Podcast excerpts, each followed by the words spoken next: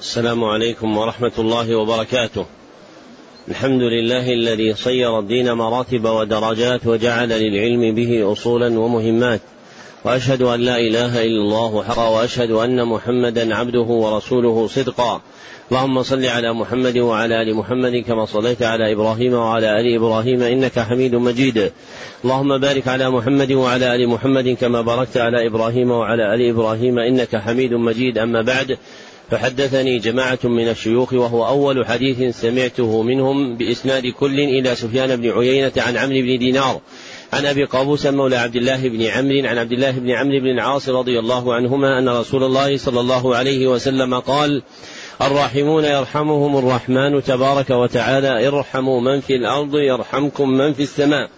ومن آكد الرحمة رحمة المعلمين بالمتعلمين في تلقينهم أحكام الدين وترقيتهم في منازل اليقين ومن طرائق رحمتهم إيقافهم على مهمات العلم بإقراء أصول المتون وتبيين مقاصدها الكلية ومعانيها الإجمالية ليستفتح بذلك المبتدئون تلقيهم ويجد فيه المتوسطون ما يذكرهم ويطلع منه المنتهون إلى تحقيق مسائل العلم. وهذا شرح الكتاب الرابع من برنامج مهمات العلم في سنته الأولى وهو كتاب التوحيد لإمام الدعوة الإصلاحية في جزيرة العرب الشيخ محمد بن عبد الوهاب رحمه الله. وقد انتهى بنا البيان إلى قوله باب ما جاء في كثرة الحلف نعم. صلى الله عليكم. بسم الله الرحمن الرحيم. الحمد لله رب العالمين وصلى الله وسلم وبارك على نبينا محمد وعلى آله وصحبه أجمعين. اللهم اغفر لنا ولشيخنا ولوالدينا وللمؤمنين. قال المؤلف رحمه الله تعالى باب ما جاء في كثرة الحلف. مقصود الترجمة بيان حكم كثرة الحلف. وهو القسم بالله عز وجل. صلى الله إليكم. وقول الله تعالى واحفظوا أيمانكم. عن أبي هريرة رضي الله عنه قال سمعت رسول الله صلى الله عليه وسلم يقول الحلف منفقة للسلعة ممحقة للبركة. أخرجه ممحقة. ممحقة أحسن الله إليكم. ممحقة للكسب. أخرجه وعن سلمان أن رسول الله صلى الله عليه وسلم قال ثلاثة لا يكلمهم الله ولا يزكيهم ولهم عذاب أليم. أشيمط, أشيمط زان وعائل مستكبر ورجل جعل الله بضاعته. لا يشتري إلا بيمينه ولا يبيع إلا بيمينه. رواه الطبراني بإسناد صحيح. وفي الصحيح عن عمران بن حسين رضي الله عنه قال قال رسول الله صلى الله عليه وسلم خير أمتي قرني ثم الذين يلونهم ثم الذين يلونهم. قال عمران فلا أدري أذكر بعد قرنه مرتين أو ثلاثا ثم إن بعدكم قوما يشهدون ولا يستشهدون ويخونون ولا يؤتمنون وينذرون ولا يوفون ويظهر فيهم السمن. وفيه عن ابن مسعود رضي الله عنه أن رسول الله صلى الله عليه وسلم قال خير الناس خير الناس قرني ثم الذين يلونهم ثم الذين يلونهم ثم يجيء قوم تسبق شهادة أحدهم يمينه ويمينه شهادته.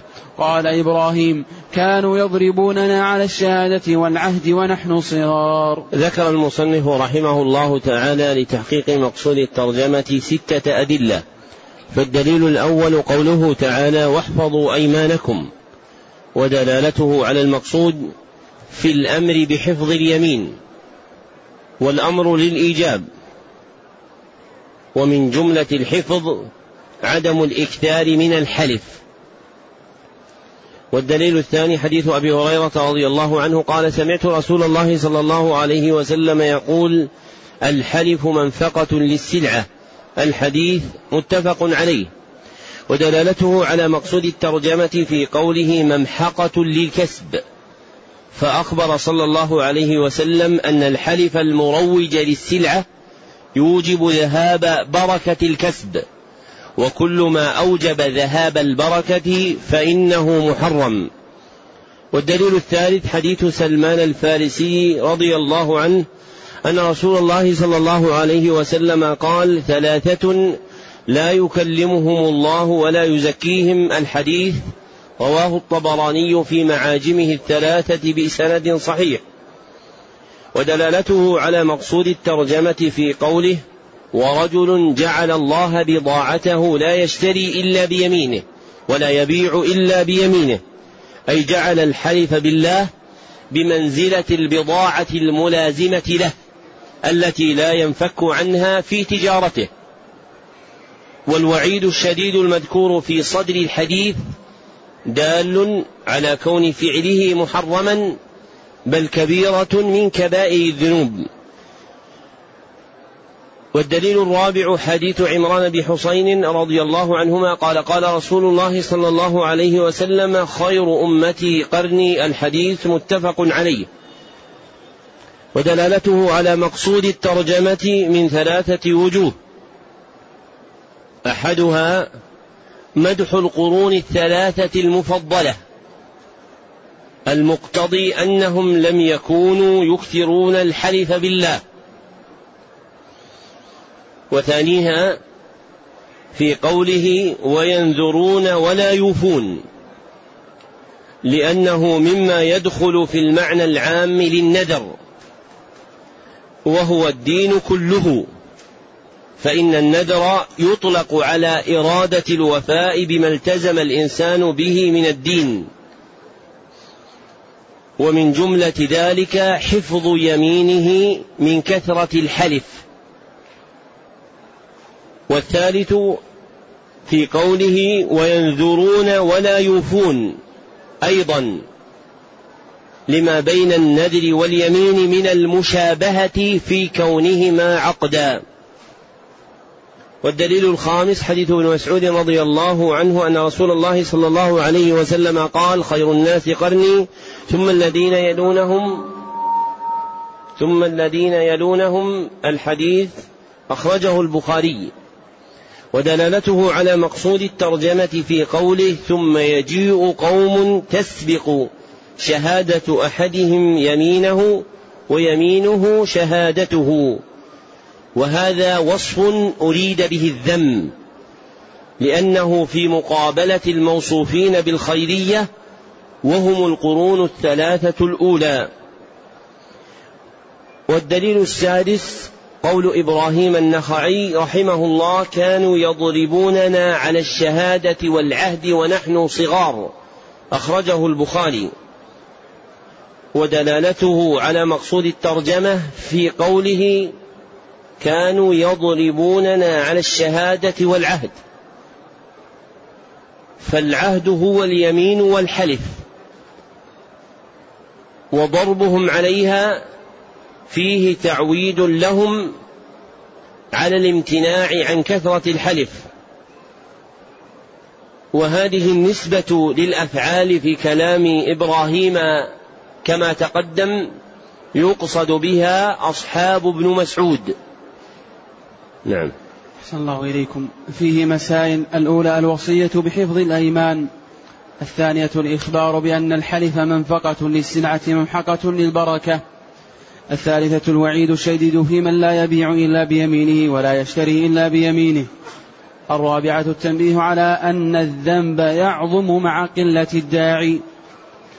الخامسة ذم الذين يحلفون ولا يستحلفون. السادسة ثناؤه صلى الله عليه وسلم على القرون الثلاثة أو الأربعة وذكر ما يحدث بعدهم. السابعة ذم الذين يشهدون ولا يستشهدون. الثامنة كون السلف يضربون الصغار على الشهادة والعهد. صلى الله إليكم باب ما جاء في ذمة الله وذمة نبيه. مقصود الترجمة بيان حكم العقد على ذمة الله وذمة نبيه صلى الله عليه وسلم. والذمة هي العهد. نعم. صلى الله عليكم.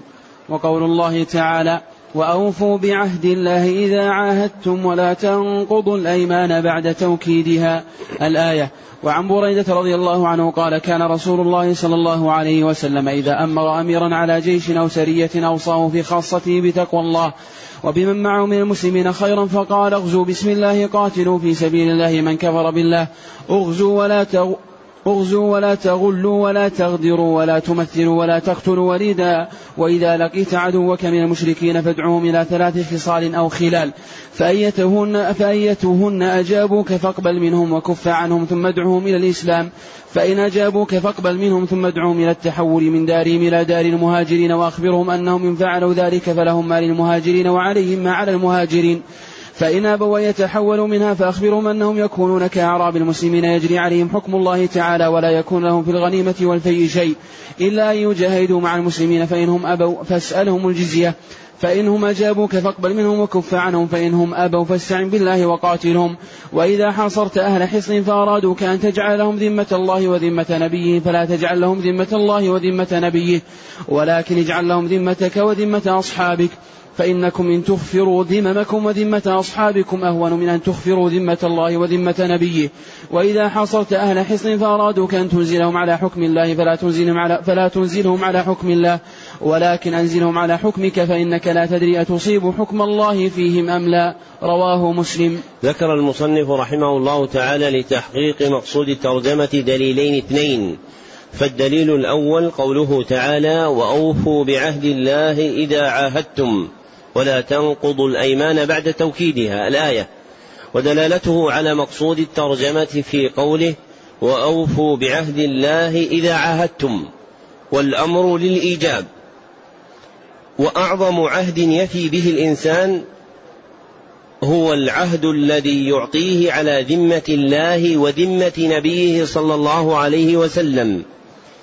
والدليل الثاني حديث بريدة رضي الله عنه قال كان رسول الله صلى الله عليه وسلم إذا أمر أميرا على جيش أو سرية. الحديث بطوله في صحيح مسلم.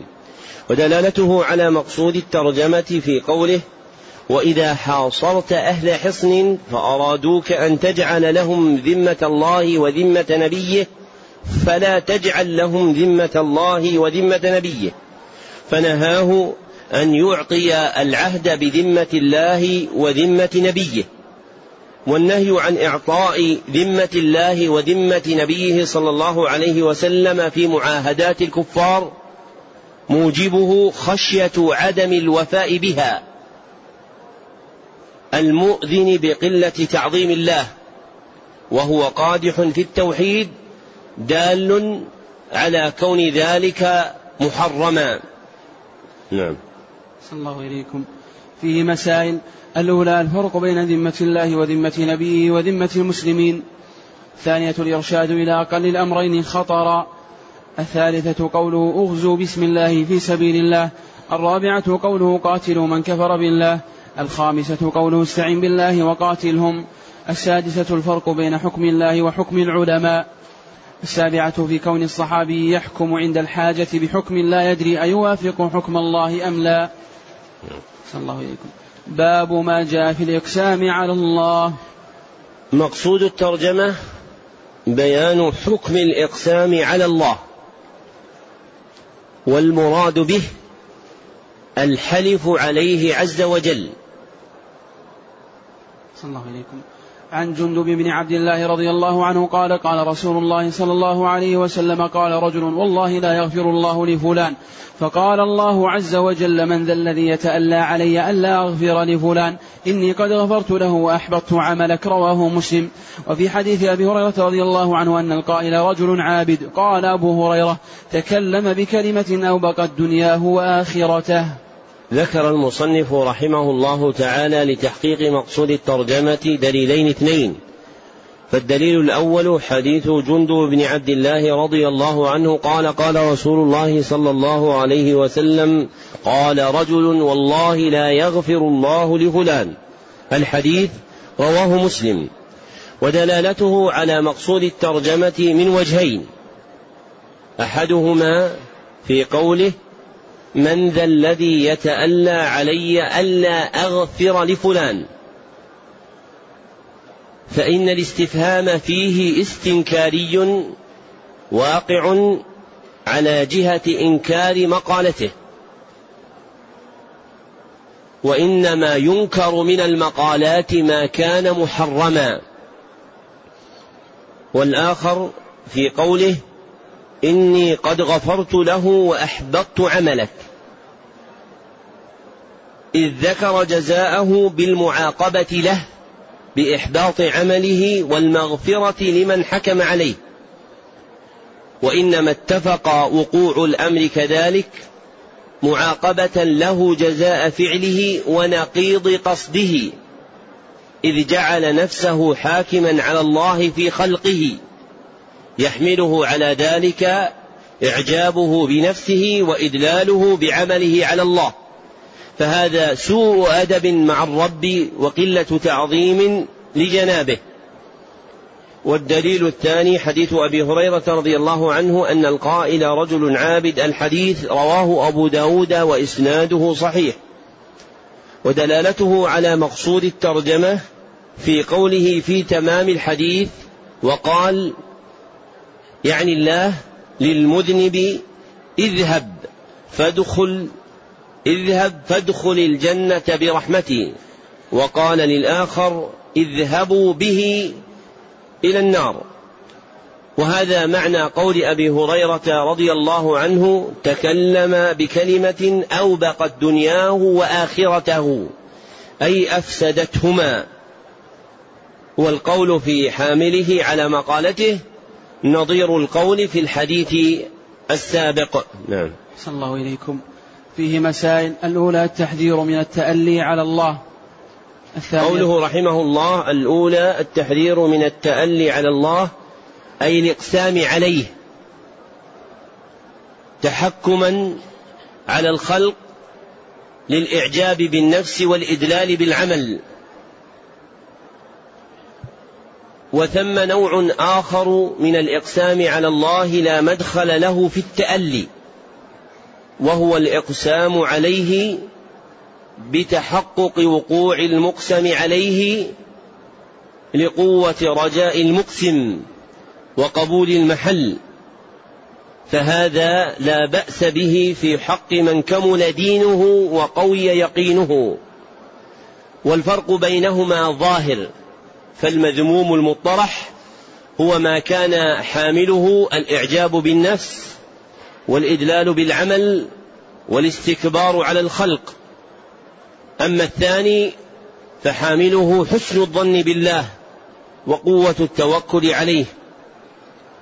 ومتعلق الباب هو القسم على الله في أحكامه القدرية ولا مدخل للقسم على الله في أحكامه الشرعية فيه لأنه لغو لا طائل تحته. فقول القائل مثلا أقسمت على الله أن العصر أربع ركعات أن العصر أربع ركعات. أو قول القائل أقسمت على الله أن الصيام في رمضان فهذا لغو لا منفعة منه ولا مدخل له في الباب. وإنما متعلق الباب هو القسم على الله في أحكامه القدرية. نعم. صلى الله إليكم. الثانية كون النار أقرب إلى أحدنا من شراك نعله. الثالثة أن الجنة مثل ذلك. الرابعة فيه شاهد لقوله إن الرجل لا يتكلم بالكلمة إلى آخره. الخامسة أن الرجل قد يغفر له بسبب هو من أكره الأمور إليه. صلى الله عليكم باب لا يستشفع بالله على خلقه. مقصود الترجمة بيان النهي عن الاستشفاع بالله على خلقه. بيان النهي عن الاستشفاع بالله على خلقه. أي طلب الشفاعة به عند أحد من الخلق. والنهي للتحريم. لما فيه من تنقص مقام الربوبية. فشان الله أعظم وأجل من ذلك. نعم. صلى الله إليكم عن جبير بن مطعم رضي الله عنه قال جاء أعرابي إلى النبي صلى الله عليه وسلم فقال يا رسول الله نهكت الأنفس وجاع العيال وهلكت الأموال فاستسقي لنا ربك. فإنا نستشفع بالله عليك وبك على الله. فقال النبي صلى الله عليه وسلم سبحان الله سبحان الله. فما زال يسبح حتى عرف ذلك في وجوه أصحابه. ثم قال ويحك أتدري ما الله؟ إن شأن الله أعظم من ذلك. إنه لا يستشفع بالله على أحد. وذكر الحديث رواه أبو داود. ذكر المصنف رحمه الله لتحقيق مقصود الترجمة دليلا واحدا وهو حديث جبير بن مطعم رضي الله عنه قال جاء أعرابي إلى النبي صلى الله عليه وسلم فقال الحديث رواه أبو داود بطوله وإسناده ضعيف ودلالته على مقصود الترجمة في قوله فاستسق لنا ربك. فإنا نستشفع بالله عليك. أي نجعل الله شفيعا عندك أن تدعو لنا بالسقيا. أي تجعل الله أي نجعل الله شفيعا عندك أن تدعو لنا بالسقيا. فاتفق منه صلى الله عليه وسلم ما يدل على التحريم من وجوه ستة. أحدها تسبيحه صلى الله عليه وسلم تعظيما لقبح مقالة الأعرابي. والثاني غضبه صلى الله عليه وسلم غضبا شديدا. دل عليه في الحديث بقول الراوي فما زال يسبح حتى عرف ذلك في وجوه أصحابه. أي عرف في وجوههم الغضب لغضب رسول الله صلى الله عليه وسلم. وثالثها في قوله ويحك وهي كلمة وعيد وتهديد. تؤذن بحرمة مقالته. ورابعها في قوله أتدري ما الله؟ فالاستفهام استنكاري حمل عليه ملاحظة بشاعة مقولة الأعرابي. وخامسها في قوله إن شأن الله أعظم من ذلك. فنزه النبي صلى الله عليه وسلم ربه عن مقالة الأعرابي لأنها لا تليق بالله عز وجل. وسادسها في قوله إنه لا يستشفع بالله على أحد من خلقه وهو نهي ضمن النفي للمبالغة في تأكيده والنهي موضوع في الشرع للدلالة على التحريم. فهذه الوجوه الستة دالة على حرمة ذلك.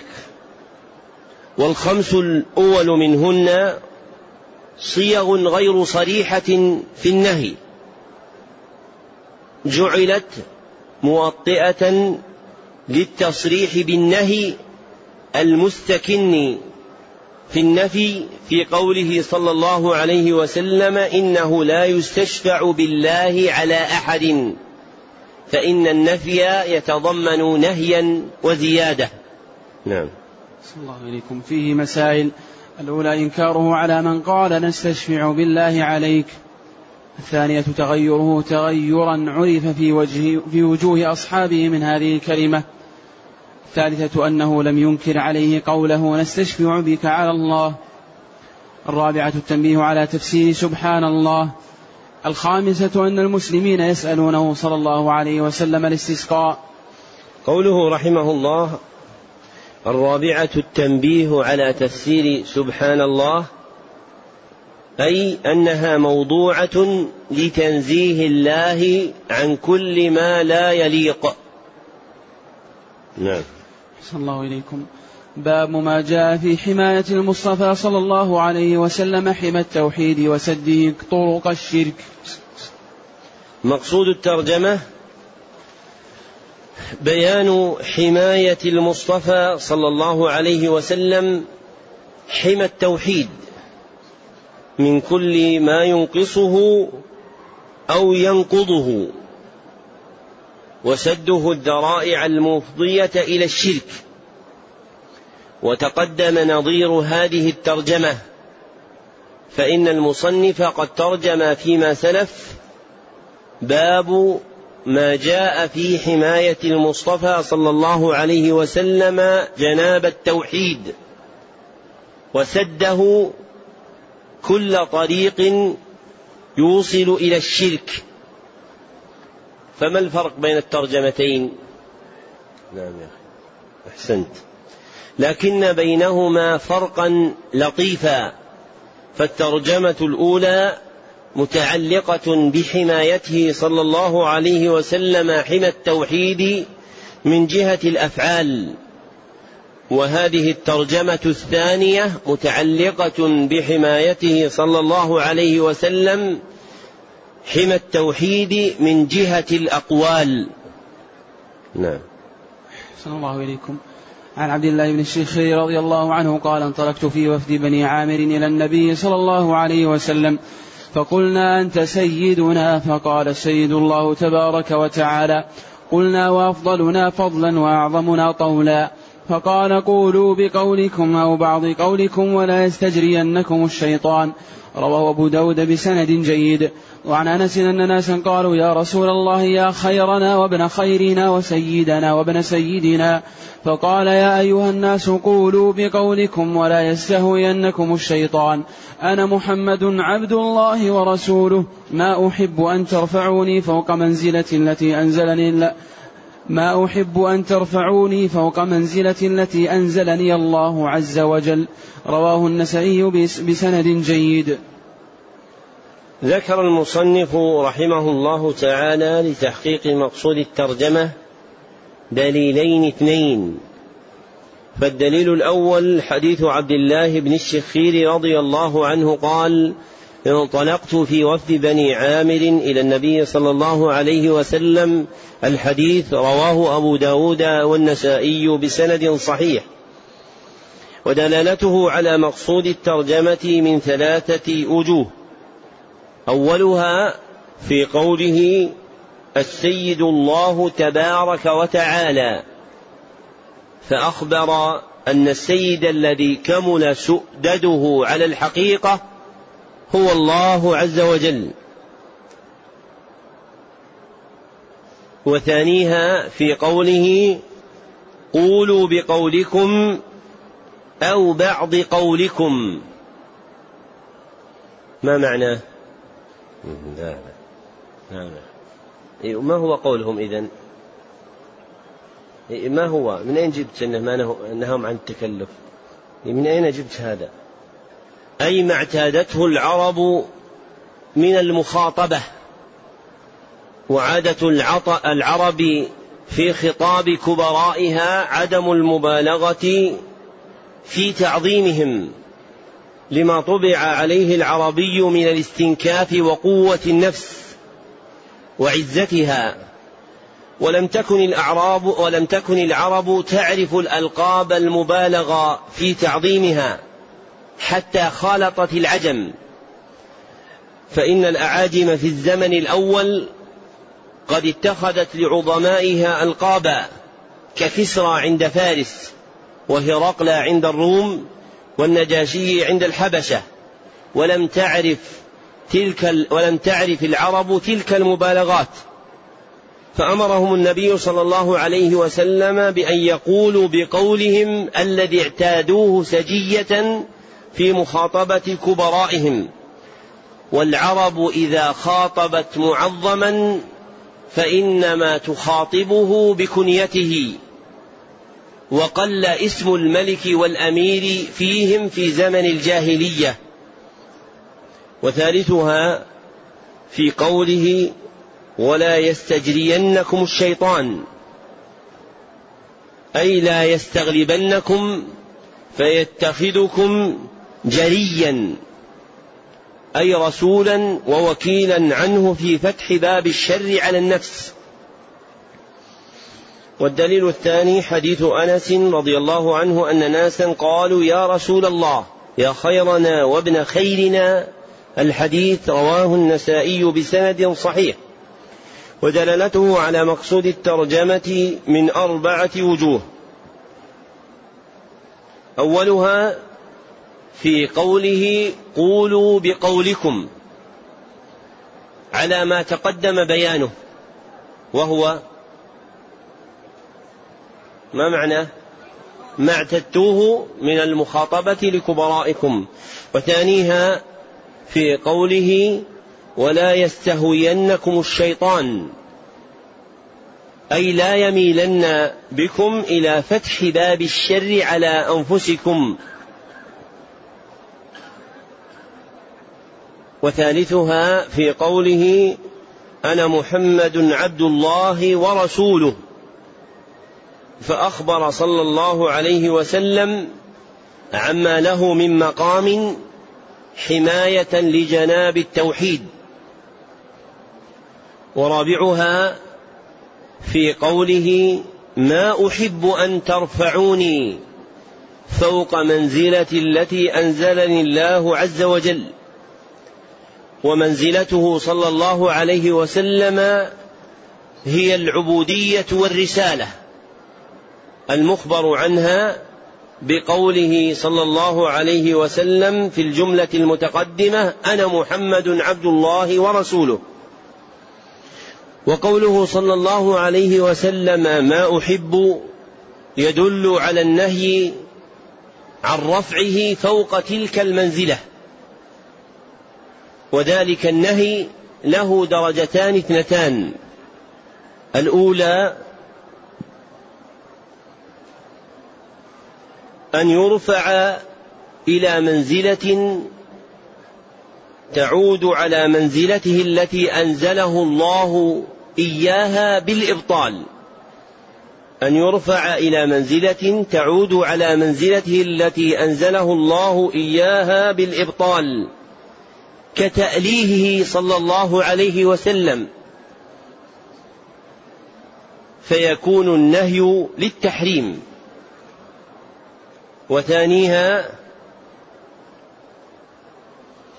أن يرفع صلى الله عليه وسلم إلى منزلة لا تعود على منزلته التي أنزله الله إياها بالإبطال لكنها تخالف أمره. والنهي فيها للكراهة. ككثير من المدائح النبوية المسجعه المتكلفة فإنه نهى صلى الله عليه وسلم عن ذلك في قوله لا تطروني كما أطرت النصارى ابن مريم الحديث متفق عليه وعند مسلم أصله دون لفظه. وقد تقدم فيما سلف وكمال الاتباع له صلى الله عليه وسلم هو في امتثال أمره. ولو كان صلى الله عليه وسلم محبا لهذه المدائح المسجعة المتكلفة امرا بها حاثا عليها لبادر المحبون له صلى الله عليه وسلم بامضائها نظما ونثرا.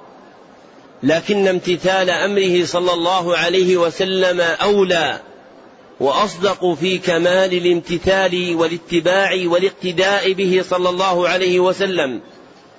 والمحب الصادق هو المقتدي بالنبي صلى الله عليه وسلم. وربما ضعفت بعض القلوب في أمر محبته صلى الله عليه وسلم تعظيما لجنابه فسارعت طامعة في الفوز بكمال المحبة له إلى شيء من هذه الأسجاع والمدائح المتكلفة تنثرها وتنظمها وتقرأها وكل ذلك مخالف لأمره صلى الله عليه وسلم. ولو لم ينهنا عنه صلى الله عليه وسلم لبادرنا إليه. فإن مدح أبي القاسم صلى الله عليه وسلم أولى من مدح سائر الخلق ولكنه قد أمرنا أن ننتهي إلى شيء فإذا كان حبنا صادقا واتباعنا كاملا فإن إجابة داعيه صلى الله عليه وسلم وامتثال أمره أولى من المصير إلى غيره. وما يهجم على النفوس من غلبة الحب له صلى الله عليه وسلم حتى يخرجها عن قانون الشرع يجب على العبد أن يلجمه.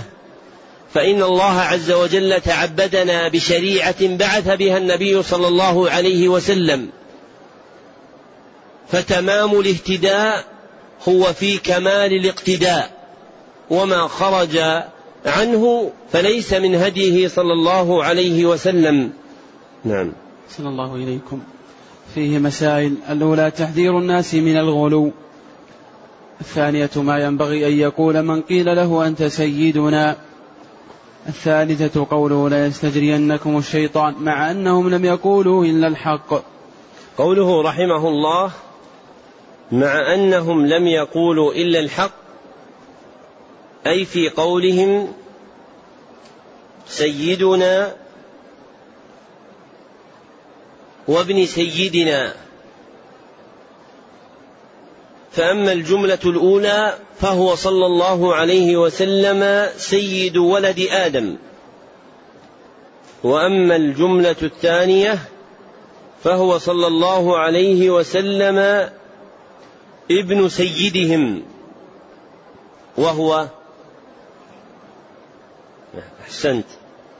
وهو إبراهيم عليه الصلاة والسلام لأن العرب قبل الإسلام كانوا يرون أن أباهم نسبة وصليبة هو إبراهيم عليه الصلاة والسلام.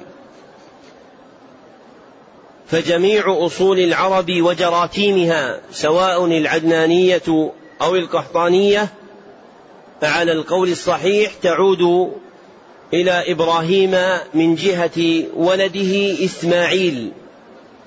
فيكون قولهم في حقه صلى الله عليه وسلم وابن سيدنا يعني يعني ابن أبينا الأول إبراهيم عليه الصلاة والسلام.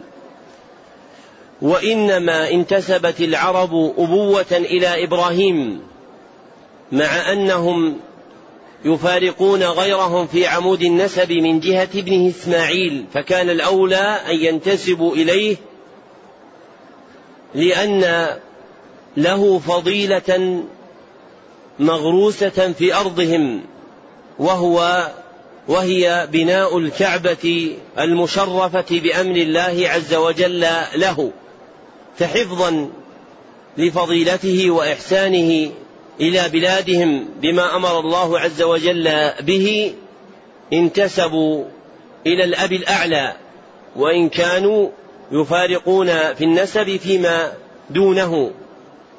نعم. أحسن الله إليكم. الرابعة قوله ما أحب أن ترفعوني فوق منزلتي. باب ما جاء في قول الله تعالى وما قدروا الله حق قدره والأرض جميعا قبضته يوم القيامة والسماوات مطويات بيمينه سبحانه وتعالى عما يشركون مقصود الترجمة بيان عظمة الله سبحانه الموجبة لتقديره والقيام بتوحيده. بيان عظمة الله سبحانه وتعالى الموجبة لتقديره والقيام بتوحيده وإنما ختم المصنف بها للإعلام بأن فقد التوحيد سببه عدم توقير الله وتعظيمه. ومن بدائع هذا الكتاب استفتاحا وختما أن المصنف ابتدأ كتابه بذكر موجب وجود التوحيد وهو وجوبه وختمه بذكر موجب فقد التوحيد وهو قلة تعظيم الله عز وجل فرد آخره إلى أوله. نعم. صلى الله إليكم. عن ابن مسعود رضي الله عنه قال جاء حبر من الأحبار إلى رسول الله صلى الله عليه وسلم فقال يا محمد إنا نجد أن الله يجعل السماوات على إصبع والأراضين على إصبع والشجر على إصبع والشجر على إصبع والماء على إصبع والثرى على إصبع وسائر الخلق على إصبع فيقول أنا الملك. وضحك النبي صلى الله عليه وسلم حتى بدت نواجده. تصديقا لقول الحبر ثم قال ثم قرأ وما قدر الله حق قدره والأرض جميعا قبضته يوم القيامة. الآية وفي رواية لمسلم والجبال والشجر على إصبع ثم يهزهن فيقول أنا الملك وأنا الله. وفي رواية للبخاري يجعل السماوات على إصبع والملأ والثرى على إصبع وسائر الخلق على إصبع أخرجاه ولمسلم عن ابن عمر مرفوعا يطوي الله السماوات يوم القيامة ثم يأخذهن بيده اليمنى ثم يقول أنا الملك أين الجبارون أين المتكبرون؟ ثم يطوي الأراضين السبع ثم يأخذهن بشماله ثم يقول أين أنا الملك أين الجبارون أين المتكبرون؟ وروي عن ابن عباس رضي الله عنهما قال ما السماوات السبع والأرضون السبع في كف الرحمن إلا كخردلة في يد أحدكم. وقال ابن جرير حدثني يونس قال أنبأنا, أنبأنا قال أنبأنا ابن وهب قال قال ابن زيد حدثني أبي قال قال رسول الله صلى الله عليه وسلم ما السماوات السبع في الكرسي إلا كدراهم سبعة ألقيت في ترس. وقال قال أبو ذر رضي الله عنه سمعت رسول الله صلى الله عليه وسلم يقول ما الكرسي في العرش إلا كحلقة من حديد ألقيت بين ظهري فلاة من الأرض وعن ابن مسعود رضي الله عنه قال بين السماء الدنيا والتي تليها خمسمائة عام وبين كل سماء خمسمائة عام وبين السماء السابعة والكرسي خمسمائة عام وبين الكرسي والماء خمسمائة عام والعرش فوق الماء والله فوق العرش لا يخفى عليه شيء من أعمالكم. أخرجه ابن مهدي عن حماد بن سلمة عن عاصم عن زر عن عبد الله ورواه بنحوه المسعودي عن عاصم عن أبي وائل عن عبد الله قاله قاله الحافظ الذهبي رحمه الله تعالى. قال وله طرق. وعن العباس بن عبد المطلب رضي الله عنه قال قال رسول الله صلى الله عليه وسلم هل تدرون كم بين السماء والأرض؟ قلنا الله ورسوله أعلم. قال بينهما مسيرة خمسمائة, خمسمائة سنة وبين كل سماء إلى سماء مسيرة خمسمائة سنة وكثف كل سماء مسيرة خمسمائة سنة وبين السماء السابعة والعرش بحر بين أسفله وأعلاه كما بين السماء والأرض والله تعالى فوق ذلك وليس يخفى عليه شيء من أعمال بني آدم أخرجه أبو داود وغيره. ذكر المصنف رحمه الله تعالى لتحقيق مقصود الترجمة سبعة أدلة. فالدليل الأول قوله تعالى وما قدر الله حق قدره الآية. ودلالته على مقصود الترجمة من ثلاثة وجوه. أولها في قوله وما قدروا الله حق قدره أي ما عظموه بما ينبغي له من التعظيم. ففيه إثبات عظمة الله عز وجل. وثانيها في قوله والأرض جميعا قبضته يوم القيامة والسماوات مطويات بيمينه.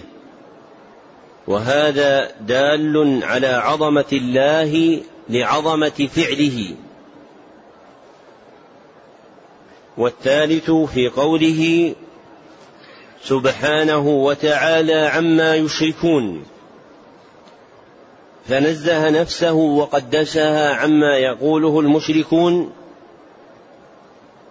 وفي ذلك إثبات ما له من الكمالات. مما أثبته الله لنفسه أو أثبته له رسله الصادقون المصدوقون.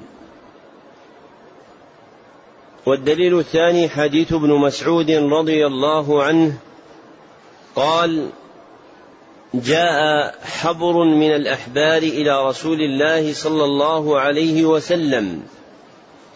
الحديث متفق عليه ودلالته على مقصود الترجمة من وجهين أحدهما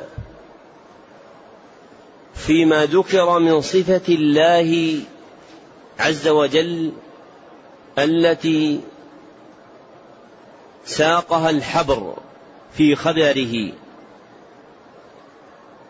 وضحك النبي صلى الله عليه وسلم حتى بدت نواجذه تصديقا له. وثانيها في قراءته صلى الله عليه وسلم للآية المشتملة على تعظيم الله كما تقدم. والدليل الثالث حديث ابن عمر رضي الله عنهما مرفوعا يطوي الله السماوات يوم القيامة. الحديث بطوله رواه مسلم. وفيه لفظة شاذة هي قوله ثم يأخذهن بشماله فإن المحفوظ عدم ذكر الشمال بل لفظه ثم يأخذهن بيده الأخرى. ودلالته على مقصود الترجمة في قوله تعالى أنا الملك أين الجبارون أين المتكبرون؟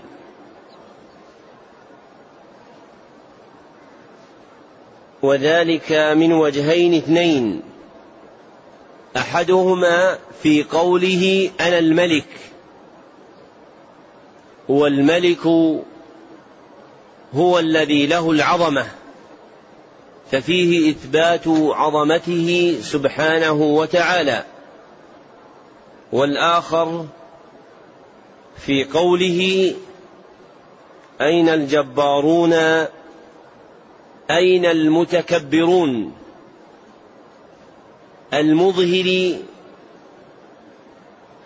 لعجز الخلق وذهاب ما كان يتغطرس به أهل الكبر والجبروت منهم فقد ذهبت قوتهم وجبروتهم عند قوة الله وجبروته في ذلك اليوم. وتكرار هذه الجملة عند طي الأرض تأكيد لعظمته سبحانه. والدليل الرابع حديث ابن عباس رضي الله عنهما رواه ابن جرير بإسناد ضعيف. ويلحق به بعده مرسل زيد بن أسلم. في قوله قال قال ابن زيد أي عبد الرحمن ابن زيد بن أسلم وهو عند ابن جرير وإسناده ضعيف جدا. والدليل الخامس حديث أبي ذر رضي الله عنه قال سمعت رسول الله صلى الله عليه وسلم يقول ما الكرسي في العرش؟ الحديث رواه البيهقي في الأسماء والصفات بإسناد ضعيف. والدليل السادس حديث ابن مسعود رضي الله عنه قال بين السماء الدنيا والتي تليها خمسمائة عام. الحديث أخرجه الطبراني في الكبير بإسناد حسن. ومثله لا يقال بالرأي فله حكم الرفع. لماذا مثله لا يقال من قبل الرأي؟ اللي يجيب يرفع يده. آه صاحب جدة. إيش؟ أحسنت. لأنه من علم الغيب ولا يطلع عليه إلا بخبر صادق من الوحي. وما كان كذلك فإنه لا يقال من قبل الرأي ويكون مرفوعا حكما عند المحدثين كما قال العراقي في الألفية وما أتى عن صاحب بحيث لا يقال رأيا حكمه الرفع على وما أتى عن صاحب بحيث لا يقال حكمه الرفع على ما وما أتى عن صاحب بحيث لا يقال رأيا حكمه الرفع على ما أتى حد يذكره وما أتى عن صاحب بحيث لا يقال رأيا حكمه الرفع على الألفية يا إخوان. يأتي به الله إن شاء الله تعالى. الحديث والدليل السابع حديث العباس بن عبد المطلب رضي الله عنهما. قال قال رسول الله صلى الله عليه وسلم هل تدرون كم بين السماء والأرض؟ الحديث رواه أبو داود والترمذي وابن ماجه بإسناد صحيح.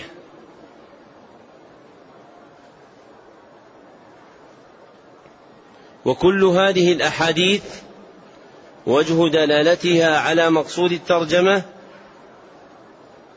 فيما ذكر فيها من عظمة الله عز وجل الموجبة لتعظيمه وتوحيده المانعة لفقده.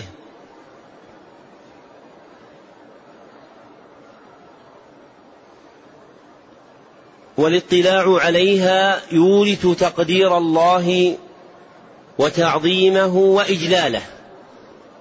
وغفلة العبد عنها تورث قلة توقيره. فيضعف توحيد العبد وربما ذهب بالكلية. كحال الكفار من اليهود الذين كان عندهم علم بعظمة الله ولكنهم لم يقدروا الله حق قدره. وكحال الكفار الذين قال الله فيهم ما لكم لا ترجون لله وقارا أي لا تعظمونه حق عظمته. كما صح عن ابن عباس فيما رواه ابن جرير. نعم. صلى الله إليكم. فيه مسائل. الأولى تفسير قوله تعالى والأرض جميعا قبضته يوم القيامة. الثانية أن هذه قال العراقي قال وما أتى عن صاحب بحيث لا يقال رايا حكمه الرفع على ما جاء في المحصول نحو من أتى في الحاكم الرفع لهذا أثبتا. نعم. أحسن الله إليكم. الثانية أن هذه العلوم وأمثالها باقية عند اليهود الذين في زمنه صلى الله عليه وسلم لم ينكروها ولم يتأولوها. الثالثة أن الحبر لما ذكر للنبي صلى الله عليه وسلم صدقه ونزل القرآن بتقرير ذلك. الرابعة وقوع الضحك الكثير من رسول الله صلى الله عليه وسلم لما ذكر الحبر هذا العلم العظيم. قوله رحمه الله الرابعة وقوع الضحك الكثير من رسول الله صلى الله عليه وسلم لما ذكر الحبر أو الحبر كلاهما ضبطان لغويان صحيحان. لما ذكر الحبر هذا العلم العظيم. وضحكه صلى الله عليه وسلم وقع تصديقا لقوله لا سخرية منه. ما الدليل؟ ما يا أخي. إيش؟ كيف المقام؟ يا أخي إيش؟ من القائل؟ يعني الصحابي أحسنت. وبرهان كونه تصديقا أن الصحابي فهم التصديق. وفهم الصحابي مقدم على إيش؟ فهم غيره. فالذين يقال يقولون عند هذا الحديث أنه لا تثبت به عقيدة لأن النبي صلى الله عليه وسلم ضحك سخرية منه واستخفافا به. أفهمهم أصح أم فهم ابن مسعود؟ ما الجواب؟ فهم ابن مسعود. لماذا فهم ابن مسعود؟ ما الجواب؟ ها آه يا أخي. يجمع ذلك لأنه من الصحابة الذين شهدوا التنزيل وعلموا التأويل ففهمهم أصح من فهم غيرهم. فإذا حكم الصحابي بهذا كان حكمه أولى من حكم غيره. ثم إن التابعين الذين رووا هذا الحديث عن ابن مسعود أمضوه كفهمه رضي الله عنه ولم يزل على ذلك أهل العلم والسنة فمن ادعى خلاف ذلك فليأت عن أحد من الصحابة أو التابعين أو أتباع التابعين أو أئمة الهدى ممن بعدهم ممن روى هذا الحديث كالبخاري ومسلم وأبي بكر بن خزيمة في كتاب التوحيد أنهم جاءوا بكلمة تخالف فهم ابن مسعود ولكن المرء إذا استرسل مع خيالاته وزبالات ذهنه تكلم بمثل هذه المقالات التي تؤول بالعيب على الصحابة رضي الله عنهم. نعم. أحسن الله إليكم. الخامسة التصريح بذكر اليدين وأن السماوات في اليد اليمنى والأراضين في اليد الأخرى. السادسة التصريح بتسميتها الشمال. قوله رحمه الله السادسة التصريح بتسميتها الشمال كما وقع في رواية عند مسلم والمختار كما سبق أن هذه الرواية شاذة كما جزم به جماعة من الحفاظ. والمحفوظ في هذا الموضع ذكرها باسم اليد الأخرى. نعم. الله إليكم. السابعة ذكر الجبار ذكر الجبارين والمتكبرين عند ذلك.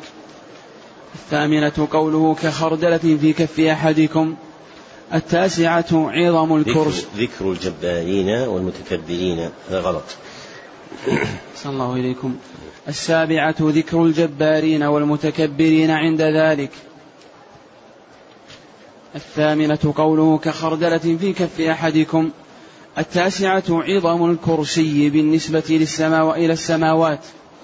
العاشرة عظمة العرش بالنسبة إلى الكرسي. الحادية عشرة أن العرش غير الكرسي. الثانية عشرة كم بين كل سماء إلى سماء. الثالثة عشرة كم بين السماء السابعة والكرسي. الرابعة عشرة كم بين الكرسي والماء. الخامسة عشرة أن العرش فوق الماء. السادسة عشرة أن الله فوق العرش. السابعة عشرة كم بين السماء والأرض؟ الثامنة عشرة كتف كل سماء خمسمائة سنة. التاسعة عشرة أن البحر الذي فوق السماوات بين أعلاه وأسفله مسيرة خمسمائة سنة. هذا آخر الأبواب والمسائل. والحمد لله رب العالمين. وبهذا ينتهي ينتهي شرح هذا الكتاب. على نحو مختصر يوقف على مقاصده الكلية ومعانيه الإجمالية. اللهم إنا نسألك علما في المهمات ومهما في المعلومات. وبالله التوفيق.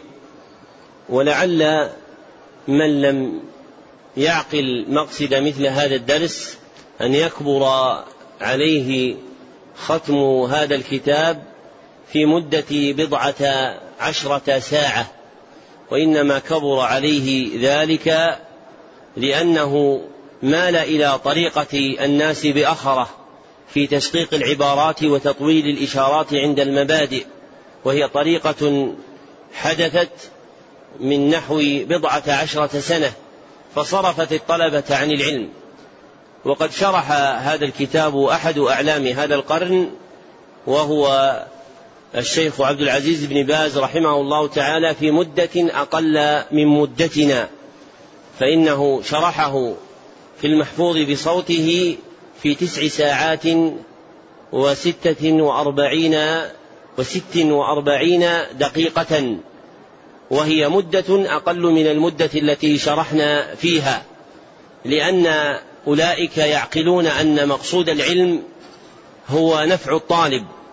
لا إظهار قوة المعلم فإن هذا يضر بالطلبة أكثر مما أكثر مما ينفعهم وإنما يصلح الاتساع في إيراد الإشكالات وحلها مع الطلبة المنتهين. أما جمهور المتعلمين في المحافل العامة فيناسبهم هذا الوضع الذي حشوه بحمد الله تحقيق المهمات وحل مشهور الإشكالات وبيان مقاصد العبارات.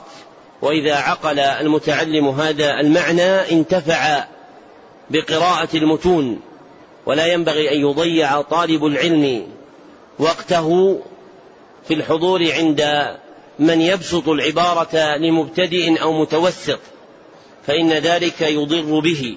إلا أن يكون قد تلقى من قبل هذه المتون على نحو يبين مقاصدها. والمقصود من العلم معرفة ما قرره من سبق فإن علمهم أكثر بركة من علم أهل هذا الزمان. فيجب أن يكون مثل هذا مفتاحا لك في تقوية معرفتك بمسائل هذا الكتاب وتثبيتا لها وعقلا لمداركها حتى تكمل معرفتك بالتوحيد ويتوثق في قلبك فتنجو من معرة الشرك ثم تدعو إليه من وراءك من أهل أو أصحاب أو أخدان أو نزلاء بلدك وسكانه فتكون فيكون لك أجر تعليمه. أسأل الله سبحانه وتعالى أن يغفر لنا حوبنا وأن يكفر عنا سيئاتنا وأن يتقبل منا أعمالنا وأن يبارك لنا في أوقاتنا وأن يجعلنا هداة مهتدين غير ضالين ولا مضلين. اللهم لا تجعلنا فتنة لعبادك المؤمنين. اللهم لا تجعلنا فتنة لعبادك المؤمنين. اللهم لا تجعلنا فتنة لعبادك المؤمنين. اللهم أحنا على خير حال وأمتنا على خير حال وقلوبنا جميعا إلى خير المآل.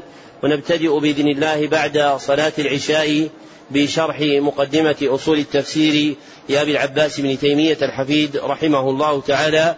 صلى الله وسلم على عبده ورسوله محمد وآله وصحبه أجمعين.